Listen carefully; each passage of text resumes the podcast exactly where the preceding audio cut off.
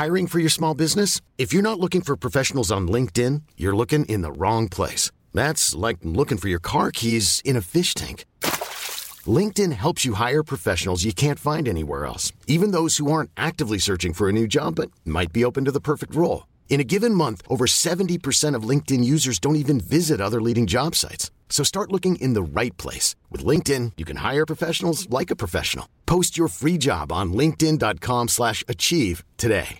Hi, I'm Daniel, founder of Pretty Litter. Cats and cat owners deserve better than any old-fashioned litter. That's why I teamed up with scientists and veterinarians to create Pretty Litter. Its innovative crystal formula has superior odor control and weighs up to 80% less than clay litter.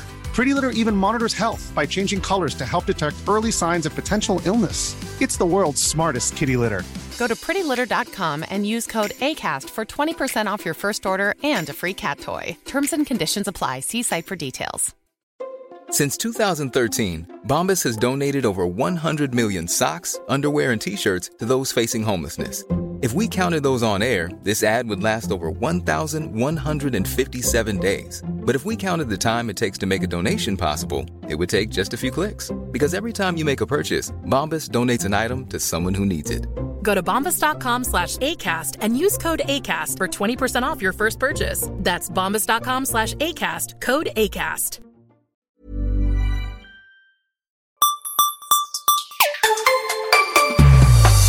Hej och hjärtligt välkomna till Macradion med mig Peter Esse. Och den här veckan har vi faktiskt med oss Gabriel Malmqvist. Har du återhämtat dig från eh, förra veckan? Ja, jag förstod att eh, anklagelserna haglade här i Macradion kring mitt eh, allmänt lialösa leverne. Eh, så är det naturligtvis inte. Jag var varken berusad eller bakfull eh, förra söndagen vi skulle spelat in. Utan min far fyllde 60 år.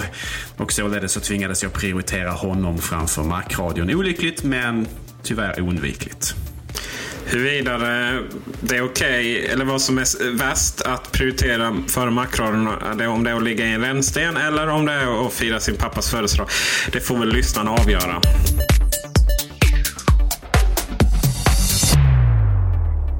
Veckans Macradion kommer att handla om något som i normala fall kanske inte är världens mest spännande ämne. Men eh, ändå någonting som har kommit in i vår intressesfär. Det är patent. Och i EU så är det många företag som lobbar för att vi ska införa mjukvarupatent. Idag så är det ju bara på Uh, ja, uppfinningar som går att ta på kan man väl säga. Om man ska eh, förenkla saker och ting jättemycket. Bland annat Ericsson lovar rätt hårt för att vi ska införa mjukvarupatent. Och det kan man ju förstå för de har ju ett gäng eh, resurser och sådana i andra länder. I USA en marknad som har det och där har det ju blivit lite kontroverser nu för att företag som lever på att köpa och kanske också sälja patent. Och sen har man anställt en hel massa advokater som sen cashar in genom att stämma allt och alla. Och det är inte sådana här stora innovativa saker utan nu senast, eller det första fallet som uppmärksammades var ju eh, att man hade möjlighet att köpa saker till eh, alltså in-app-köp då. Eh, klassiskt på eh, Apple Store-vis. Och det ansåg då det här företaget man har patent på så då skickade de eh, ett vänligt men bestämt meddelande till stora som små utvecklare och berättar om att nu är det dags att pröjsa här. Nu senast så var det ytterligare ett fall och då handlade det om att man hade en knapp i sin app som gjorde reklam för en annan app. Och trycker man på den så kommer man då vidare till App Store och kan man köpa den. Typ Angry Bird och ja, de flesta har ju sådana som har mer än en app i App Store. Och helt plötsligt så blir det ju väldigt konstigt här. Hela appekonomin med sina 7-15 kronor sådär går ju ut på att man delar 30% i Apple och sen behåller man resten själv. Men nu ska man då ta höjd för att Eh, eventuella stämningar. Det är helt omöjligt att veta också. Det är, det är, visst finns det i sökregister och sådär men ja, det är ju helt omöjligt att veta exakt vilka patent man bryter mot. Och som, som det verkar vara nu så godkänns ju det mesta. Och, eh, och som kan tolka, ja, jag menar om en knapp till App Store är patent, eh, att man har brutit mot ett patent. Vad är inte då? Ja, nästan allt. Bara interaktionen, att trycka på någonting eh, på en touchskärm är ju, är ju ett patent eller flera. Eh, jag vet inte riktigt hur man ska kunna försvara det. Eller, eh, ja, nej, jag behöver nog en Gabriel som har lite åsikter här. no pressure. Uh, jag, jag, vill minnas att Apple exempelvis betalar eh, Amazon, alltså Amazon.com, för eh, den här One Click Purchase-knappen. Så det är tydligen någonting som de har patent på i sig, eller någonting i den stilen. Så att det drabbar ju både stora eh, och små företag. Eh, men det är väl kanske framförallt ett stort problem för indieutvecklare, så kallat, alltså en eller tvåmans verksamheter där, eh, där liksom man har en eller två appar som man utvecklar och där intäkterna kanske oftast inte är så pass mycket att man kan täcka in alla alla de här eventuella skadeståndskrav eller licenskrav som kommer ifrån de här eh, patenttrollen. Eh, och frågan är naturligtvis, Apple har ju till viss del givit sig in i den här eh, dusten med de här patenttrollen, Lotsys bland annat, eh, för att på något sätt försöka skydda sin, sin utvecklare, sin, sina utvecklare.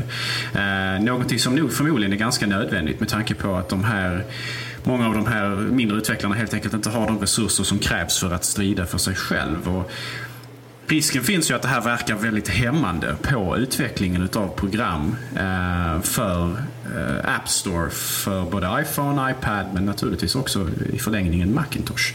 Eh, och Apple är ju den som har kanske mest att förlora med tanke på att man har förmodligen flest utvecklare också. En ganska stark säljande punkt just för iOS-plattformen som sådan. Absolut. Um, det finns nu utvecklare som har sagt att vi kommer bara publicera våra appar där det inte finns de här. Eh, det vill säga att man håller sig borta från USA. Och uh, ja, det är synd för dem. Men samtidigt är ju de absolut flesta utvecklare tror jag bor i USA och då är det svårt att, svårt att undgå där. Det är lite som att det håller på att bli en epidemi av det där nu och eh, kanske, nu kanske inte jag kan påverka det amerikanska patentsystemet i sådär stor utsträckning. Eh, men eh, lite tips från coachen här skulle jag säga att det kanske skulle bli olagligt att eh, köpa och sälja patent enbart eh, som handelsvara då, jämfört med att man köper och säljer uppfinningar för att det är en del av själva uppfinningarna är en del av, av eh, eh, sin verksamhet. Och sen är frågan Inom upphovsrättsindustrin finns det något som heter verkshöjd. Det vill säga att eh, om två personer eller fler kan komma på samma idé, typ måla ett blått streck eller sådär, en sådär jättehög verkshöjd på, då kan man inte heller bli stämd för detta. Kanske borde det vara så inom patentvärlden också, för att så svårt kan det inte vara att komma på att det ska finnas en knapp som tar en till ett annat program eller gör reklam för ett annat program i ens app, kan man ju tycka. Det finns en annan, eh, en annan del av det här också. Det är de större spelarna. Apple stämmer allt och alla och alla, allt och alla stämmer Apple. Eh, och så går det runt så här. Rätt sagt, alla, det är stor, alla de här stora företagen har alltid något anspråk på, på några. Och eh, nu senast så vann ju Apple över HTC. Men innan dess så eh, vann HTC någonting. Man har förlorat mot Nokia, Nokia har vunnit. Ja, det är en sån röra. Och eh, det var någon som gjorde en snygg bild över det här någon gång. Det är ju pilar överallt. Ta till exempel att Microsoft antagligen tjänar mer på varje såld Android-lur eh, än vad man gör på sina egna eh, Windows Phone-lurar. I och med att jag vet HTC får betala om det är 15 eller 25 dollar per såld telefon. Och därmed så försvinner argumentet för de som utvecklar telefoner att eh, Android skulle vara gratis att tillgå. Det är ju någonting som allt mer försvinner allt eftersom kanske Microsoft men även andra, Apple exempelvis, börjar stämma då HTC och Samsung och liknande för att de använder sig av Android som har patent som då tillskrivs någon annan. Så att kostnaden för att utveckla för Android eh, i hårdvara Eh, är på väg uppåt snarare än neråt. Tidigare var det gratis, men är icke så längre. Och då... Och det beror på att Google har, eh, av de här företagen så har Google minst patent. Och i och med att man nu, eh, Microsoft, Apple och några företag till, köpte upp eh, Notels kanadensiska Ericsson, Ericsson-konkurrenten som gick i konkurs härom året, eller åren. Eh, man köpte upp det, hela deras patentportfölj på 6000 patent och så tilldelade, fördelade Apple till huvudsakligen av 4G-patenten bland annat. Det om det var Ericsson tog några och så. Uh, och, och då är det så här, man slutar avtal. Och det är också bra om, om, om, om jag stämmer Gabriel så kan han stämma mig för jag har tagit patent och där. Så, så gör man en liten, ser man om det går jämnt ut eller om jag får betala lite till Gabriel och sådär. Och det är ju jättebra. Men, eller förlåt, det är inte jättebra. Men det, det är så det fungerar. Uh, men det skapar ett litet, litet problem här. Tänk om ett litet enskilt företag har en jättebra idé och hur man kan utveckla en telefon som är mycket bättre än iPhone och alla Android-telefoner i världen.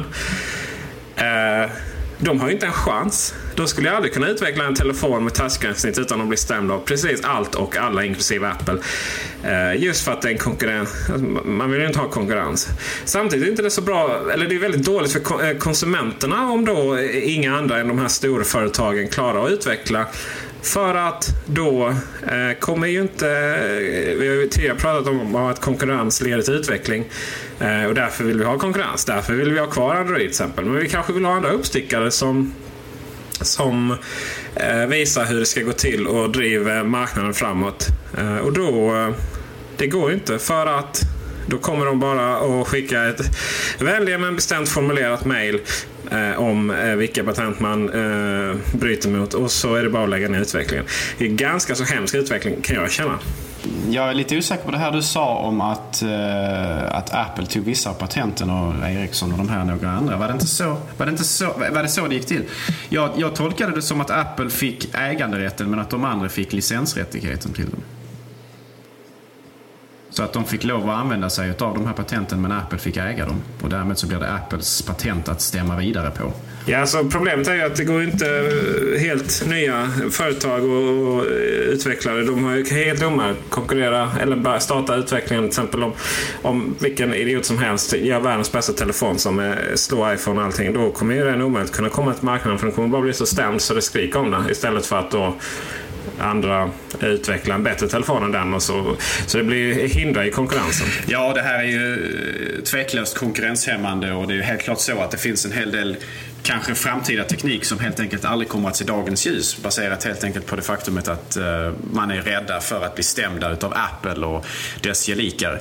Uh, helt klart ett innovationsproblem. Helt klart någonting som kanske drabbar oss kunder i slutändan.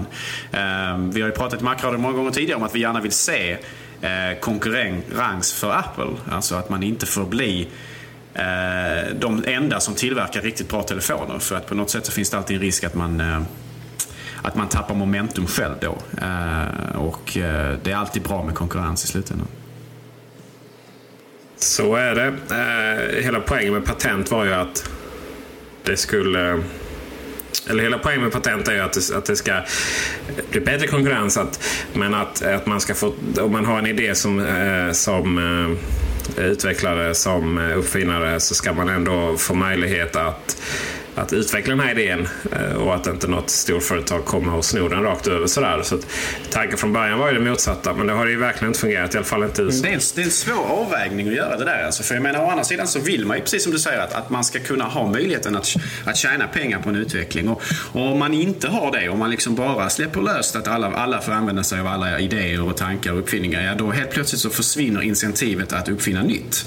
Då försvinner både det liksom ekonomiska incentivet och, och liksom marknadsincentivet det, det är ett stort problem det där. För att den sortens Alltså, det, det här är en, en, en, svår filosofisk eller juridisk fråga om du så vill det. För att det är, man måste på något sätt kunna, kunna profitera på riktigt goda idéer samtidigt som det är frågan är hur mycket kan man egentligen ta patent på och hur länge ska patenten gälla?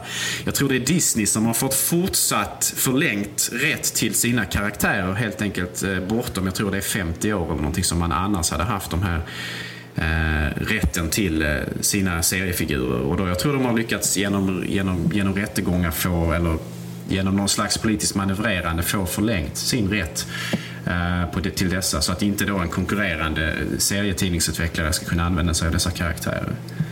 Uh, och det, ja, det, det, frågan är liksom hur länge ska patent vara och, eller, eller copyright och hur länge ska, eh, och vad ska man få lov att ta patent på eller copyright på egentligen? Mycket svår fråga. Ja, det är det. Verkligen.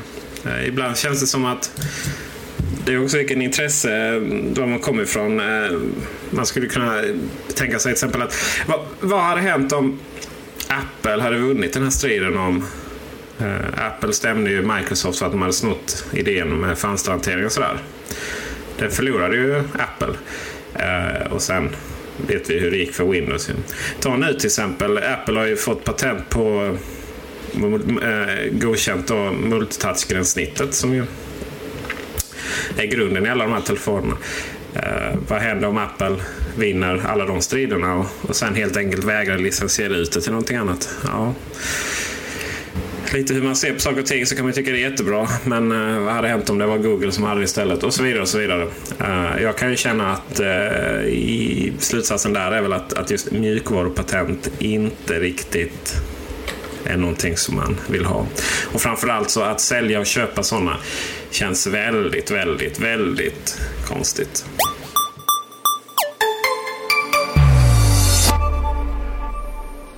Nu går vi till något roligare tycker jag och pratar om vad som händer nästa vecka. Eh, när det här då, avsnittet spelades in, det vill säga söndagen den, klickar vi här och trycker 17 juli. Då hade ju jag trott, jag hade till och med planerat att vi skulle prata om Lion, för det var min fulla övertygelse om att det hade släppts då. I alla fall om man läste ryktessajterna och det var ju precis det jag gjorde. Den 14 pratades om tillsammans med Macbook Air. Nu släpptes inte Lion och eh, Macbook Air släpptes inte. Och sen har det pratats om Mac Mini och Mac Pro. Det verkar som att de kommer släppa varenda ny dator här nu nästa vecka. Då, om vi får tro eh, de andra ryktessajterna som inte pratar om den 14. Vad är det vi får förvänta oss? Ja du, det är intressant det här. Eh, all ny hårdvara hänger på att Lion släpps. Eh, det kommer man liksom inte ifrån för att det, all ny hårdvara ska skeppas med Lion från början. Det, det handlar inte om att man ska liksom släppa ny hårdvara och sen så får man uppgradera till Lion när det väl kommer. Utan Ny hårdvara måste innehålla Lion och det är väl det är lite grann vi väntar på. Jag tror inte det är hårdvaran som, som, som har försenat om det nu är så att det var planerat att släppas för tidigare i veckan. Så att det, är nog inte, det är nog inte hårdvaran som vi väntar på utan snarare mjukvaran. Ehm, och vad som väntas skall, ja det, det finns ju lite rykten kring det här, det finns spekulationer. Det som vi väl kanske kan säga med ganska stor säkerhet är ju först och främst att vi förmodligen kommer få se nya Apple Cinema Displays. Alltså de här 27-tumsskärmarna. Eh, där har ju till och med Apple släppt, eh, lyckats släppa bilder på själv på sin webbsida. Någonting som man var snabb att plocka ner. Eh, och den enda förbättringen som vi, vi, vi kan tro oss veta där det är väl att de får stöd för Life is full of awesome what ifs, and some not so much, like unexpected medical costs. That's why United Healthcare provides Health Protector Guard fixed indemnity insurance plans to supplement your primary plan and help manage out of pocket costs. Learn more at uh1.com. Hey, it's Paige DeSorbo from Giggly Squad. High quality fashion without the price tag? Say hello to Quince. I'm snagging high end essentials like cozy cashmere sweaters, sleek leather jackets, fine jewelry, and so much more. With Quince being 50 to 80% less than similar brands. And they partner with factories that prioritize safe, ethical, and responsible manufacturing. I love that. Luxury quality within reach. Go to quince.com slash style to get free shipping and 365 day returns on your next order. Quince.com slash style. Hi, I'm Daniel, founder of Pretty Litter. Cats and cat owners deserve better than any old fashioned litter. That's why I teamed up with scientists and veterinarians to create Pretty Litter. Its innovative crystal formula has superior odor control and weighs up to 80% less than clay litter. Pretty Litter even monitors health by changing colors to help detect early signs of potential illness. It's the world's smartest kitty litter. Go to prettylitter.com and use code ACAST for 20% off your first order and a free cat toy. Terms and conditions apply. See site for details. I'm Sandra, and I'm just the professional your small business was looking for. But you didn't hire me because you didn't use LinkedIn jobs. LinkedIn has professionals you can't find anywhere else, including those who aren't actively looking for a new job but might be open to the perfect role, like me. In a given month, over 70% of LinkedIn users don't visit other leading job sites. So if you're not looking on LinkedIn, you'll miss out on great candidates like Sandra. Start hiring professionals like a professional. Post your free job on linkedin.com/achieve slash achieve today. Wow. Nice. Yeah. What you're hearing are the sounds of people everywhere putting on Bombas socks, underwear, and t-shirts made from absurdly soft materials that feel like plush clouds. Yeah. That plush. And the best part? For every item you purchase, Bombas donates another to someone facing homelessness. Bombas. Big comfort for everyone. Go to bombas.com slash ACAST and use code ACAST for 20% off your first purchase. That's bombas.com slash ACAST. Code ACAST. Um, ehm, Thunderbolt-teknologi. Uh, ehm, så att man kan använda dem för det. Uh, det är väl det ganska säkraste av ryktena. Sen är det väl Macbook Air såklart vi kommer att få se en uppdatering på. Det ryktas lite grann om att vi kommer att få se 4 GB standard som minne. En eh, utveckling som ju är välkommen och eh, inte en dag för tidigt. Vad tycker du Peter? Ja, det har ju varit lite jobbigt. Faktum att man måste nästan specialbeställa alla Macbook Airs för att, och därmed vänta. Uh, vilket gör i och med att 4 gig är ju, är ju väldigt vettigt att ha. Sen ska jag säga så att Macbook Air är den dator som faktiskt klarar sig väldigt bra med 2 GB minne. Just för att den är så snabb i övrigt på grund av sitt flashminne. Men 4 GB uppdateringen, eh, eller uppgraderingen när man köper dem idag eller för, för några veckor sedan har ändå varit en ganska självklar grej. 1000 kronor, 1080 tror jag det har kostat. Eh, helt klart värt det med tanke på eh, framtidstryggheten som finns i att uppgradera detta. Mycket mer värdefullt än att uppgradera processorn från eh, 1,86 till vad är det, 2,13 gigahertz man kunde göra också för samma kostnad. Tror det ja. Inte alls lika ekonomiskt försvarbart bara för de absolut mest entusiastiska och prestandakrävande vägkrigarna. Eh, men eh, om det nu blir 4 GB standard så är det helt klart en välkommen utveckling. Eh, frågan är naturligtvis om vi kommer att få se 8 GB som ett val Alltså som tillval som, som man, man, kan göra som 4 GB idag. Det är inte alls lika självklart. Det återstår väl att se. Men jag tror att den nya processorarkitekturen som man förväntar sig ska landa i de här Macbook Air kommer att ha stöd för 8 GB internminne. Vilket innebär att det är helt klart en tänkbar option man kan ge kunderna vid, vid köp. Ja, med 8 GB minne och med förbättrade processorer Sandy Bridge då, uh, och flashminne som förhoppningsvis blir lite större också. Så kan, kommer det bli en riktig, riktig pro-dator. Och det pratas också om upplösbart tangentbord. Tack och lov. Det är ju verkligen, är verkligen den största hindret för min del att de, att de plockar bort det när det gäller den nya designen. Det är egentligen min, min enda riktigt stora invändning mot Macbook Air som vi känner den idag. Uh, och det är helt klart en välkommen förändring om det nu faktiskt, uh, om det nu faktiskt blir av. Eh, jag tror också att eh, det har ryktats lite grann om att eh, inte bara kommer vi få se större flashminne i de här datorerna men även kanske snabbare flashminne i de här datorerna. Och, och kanske då att 64 GB som minimum kanske då går upp till 128 GB som minimum, minimum och sen 256 och kanske mer än så som tillval. Det är ju trots allt framtiden för Macbook detta. Det har ju Steve Ness själv sagt. Men jag är ganska säker på att Macbook har ingen framtid. Nej, just det. Macbook. Nej. Vår stackars Nej, vita plastiga lilla sak som, som många äger och älskar. Jag är ganska övertygad om att uh, den sjunger på sista versen vid det här laget. Det finns egentligen väldigt lite anledning kvar att köpa den framför en Macbook Air. Det skulle vara CD-läsaren och det något lägre priset. Men ärligt talat så tror jag att Macbook Air är så populär vid det här laget så att eh, jag är ganska övertygad om att Macbook är på väg ut. Jag tror att vi kommer att få kvar två stycken eh, bärbara linjer från Apple idag, eller om en vecka. Eh, Macbook Air för konsumenter och de som behöver det absolut lättaste. Eh, och Macbook Pro för mer professionella användare och som behöver framförallt mer prestanda i sina datorer.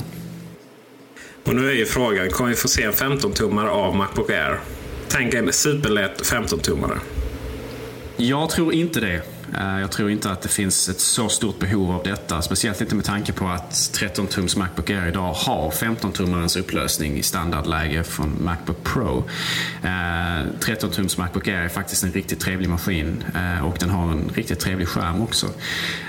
Så jag tror inte det, men jag hade absolut inte haft något emot att se den utvecklingen själv. Det är förbaskat konstigt att den har högre upplösning än Macbook Pro 13 tum. Macbook Pro 13 tum kom ju senare Ja, dessutom. det är skandal. Alltså, det var den enda det var den enda uppgraderingen på Macbook Pro 13 tum som jag var helt säker på skulle ske. Det var liksom det, enda som var riktigt, riktigt självklart. Och så var det, det en av de få saker som faktiskt inte skedde. Eh, det var ju ingen som förutspådde att den skulle behålla sin gamla lägre upplösning och vi vet egentligen inte varför den gjorde det. Eh, man kan ju spekulera kring att eh, man inte hade, fick fram tillräckligt mycket skärmar i den upplösningen. Vilket egentligen, som jag ser det, kan vara den enda riktigt giltiga förklaringen. För det är inte så att Macbook Pro 13 tum är, är speciellt billig. Så jag menar, det är inte så att... Jag menar, jag kan förstå att Macbook inte hade den liksom. Men Macbook Pro däremot, som ju ändå riktar sig mot ett professionellt segment mer än Macbook Air gör. Eh, det känns, det känns faktiskt märkligt att den inte fick den högre upplösningen. Yep. Sen har det ju ryktats lite grann om att det skulle dyka upp Mac Mini som du sa och Mac Pro.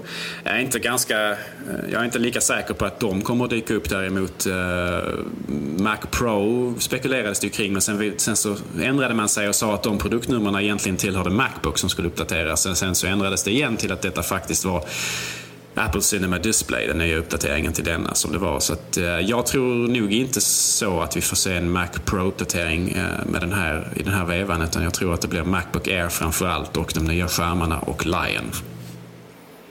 Men grejen är ju den att Mac Pro är ju väldigt mycket behov av att uppdateras. Mac Mini den ligger ju alltid där och används så att den behövs inte. Och, eh, det kommer ju också sådär bara någon eftermiddagsuppdatering eh, när som helst. Men Mac Pro känns ju som att den verkligen, verkligen behöver. Jag menar, vi har Thunderbolt och vi har eh, externa radar som stödjer den nu. Mm. Eh, men vi har inte den, någon dator som verkligen används i Pro-sammanhang. Det vill säga Mac Pro när jag pratar om Pro-sammanhang så ja, Macbook Pro givetvis. Men just de här redigeringsstationerna som står och vevar och bara är sådär fullständigt makalöst snabba. Eh, där har vi Mac Pro. Och den idag återigen så är ju eh, iMac, senaste iMac är ju nästan lika snabb, om inte snabbare i vissa sammanhang. Eh, den datorn är ju, ja, Apple, de misshandlar ju den ibland. Så det, förra, förra uppdateringen var ju också så att det tog, det tog över ett år innan den kom ju. Och nu börjar det bli det igen.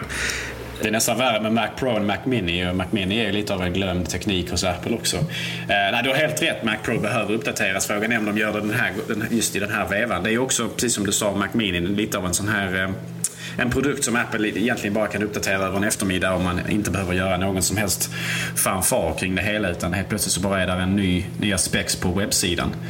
Uh, och designmässigt så har ju ingenting hänt med Mac Pro sen gud vet hur länge. Det var väl egentligen 23 juni 2003. 2003 när G5 introducerades. Uh, inte för att jag tycker att den kanske egentligen behöver någon större uppdatering. Jag tycker fortfarande om man tittar rent estetiskt på den att den ser bra ut. Kylförmågan där är naturligtvis väldigt bra. Det kommer man inte ifrån. Eh, ljudmässigt så tycker jag att den inte känns, den är inte högljudd som de gamla G4 var. Så det är en väldigt lyckad design på många sätt. Även fast somliga kanske hade förväntat sig fler utrymmen för att ha exempelvis optiska läsare. Eh, när den kom som G5 hade den bara en, nu har den två.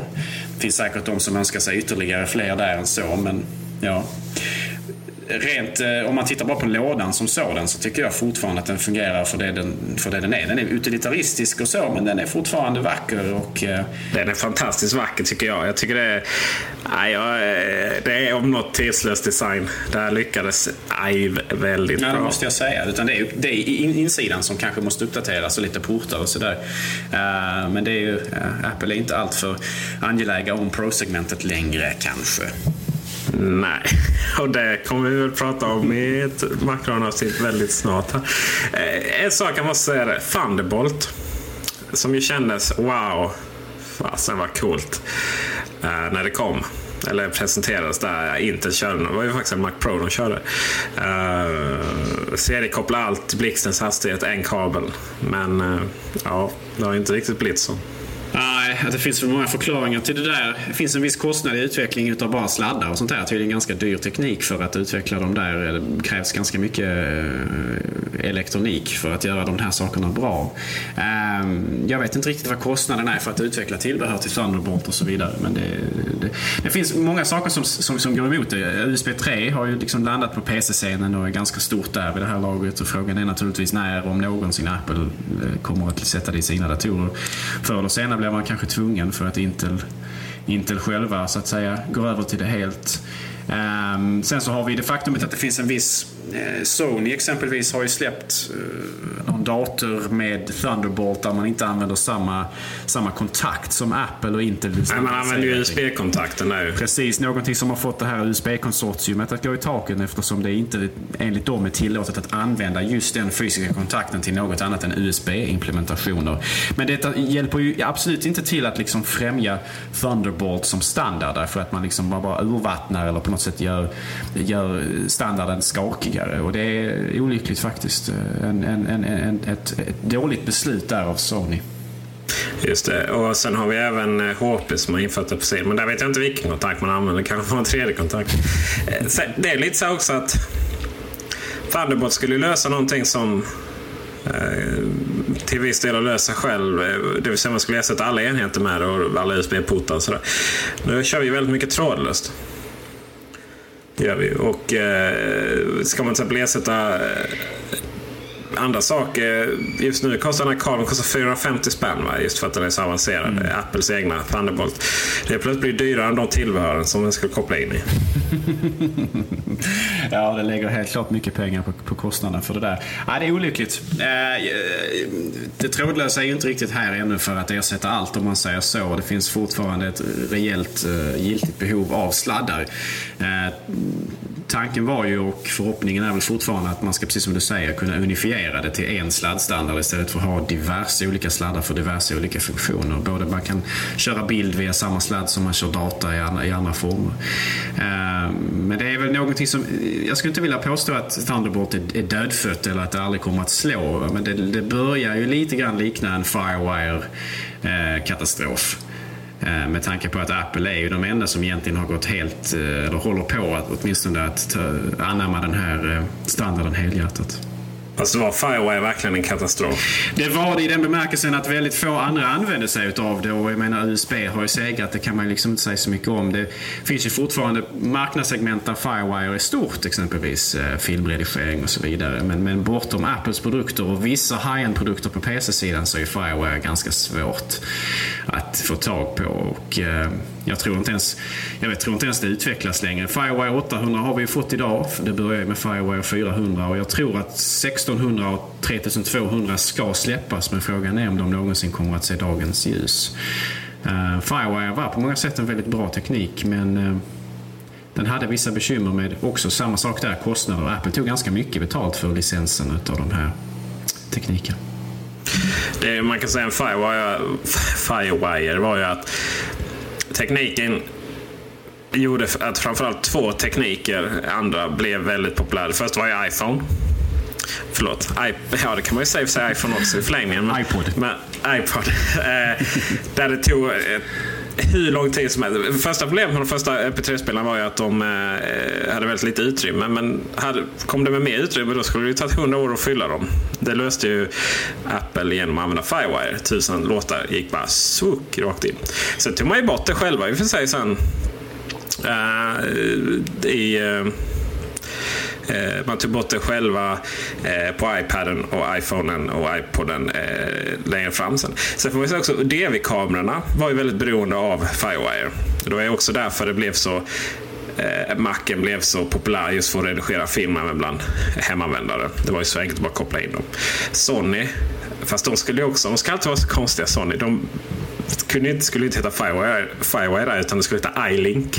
Men det var ju samma teknik ju. Sen kom ju de med USB också sen därefter. Ja, alltså, men jag, samtidigt så, jag menar iPod-fenomenet exploderar ju inte riktigt förrän eh, man eh, övergav Firewire vill jag nog ändå påstå och att man introducerade iPod för Windows. Alltså för, för Firewire var ju trots allt under väldigt lång tid en nischad, en nischad teknik i en ännu mer nischad produkt, det vill säga Macintosh-dator. Eh, och den riktigt stora iPod-explosionen kom ju först efter att man övergav kraven på dessa, dessa tvenne tekniker. Just det. det, men det var ju först då i och med att USB 2 hade kommit. Exakt. Så att eh, Firewire hade ju verkligen sin storhetstid. Sen kom ju USB 2 eh, ja, och kom ifatt då får man ju säga. Och eh, helt plötsligt blev det ju då acceptabel hastighet. Det var det inte på USB 1. Eh, och eh, Firewire 800 gjorde ju ingen större skillnad där. För att nu har man nått acceptabel hastighet. Och så var det inte mer med det. Liksom. Frågan med den här nya Thunderbolt-tekniken är väl om när, om någonsin, den kommer att gå över från att gå från koppar till optiskt. Det var ju tanken från början att det skulle börja som en optisk teknik eh, med alla de fördelar av att det går ännu snabbare. Men nu har man väl lyckats skrämma upp kopparet ganska mycket så att det kan föra över en hel del data ändå. Och fördelen som koppar har är väl att den också kan föra över en viss ström så att man kan liksom driva Eh, enheter med den. Jag, jag, tror att det är lite svårare att göra det med optiskt. Eh, optiken i sig kan ju inte föra över ström så vitt jag vet. Men, eh, men, men då måste man bygga sladdar som även har någon slags strömledande funktion om man ska kunna använda externa tillbehör som, som så att säga suger sin energi från, från datorn. Just det. Vi får se vad som händer. Det absolut största användningsområdet nu kommer ju vara antagligen det faktum att man kan seriekoppla Apple-skärmarna nu när de väl får Thunderbolt. Verkligen välkommet. Apples skärmar är ju trots allt deras svar på hubben. Eh, med allt vad detta innebär och eh, den här sortens eh, utveckling är mycket bra för dessa. Just så. Med det så tackar vi för veckans avsnitt. Och tack Fabian, för, eller DJ Fabbe, för att du tar dig an och redigerar detta avsnittet. Och tack för att ni har lyssnat. Ha det bra, på återseende. Hej hej!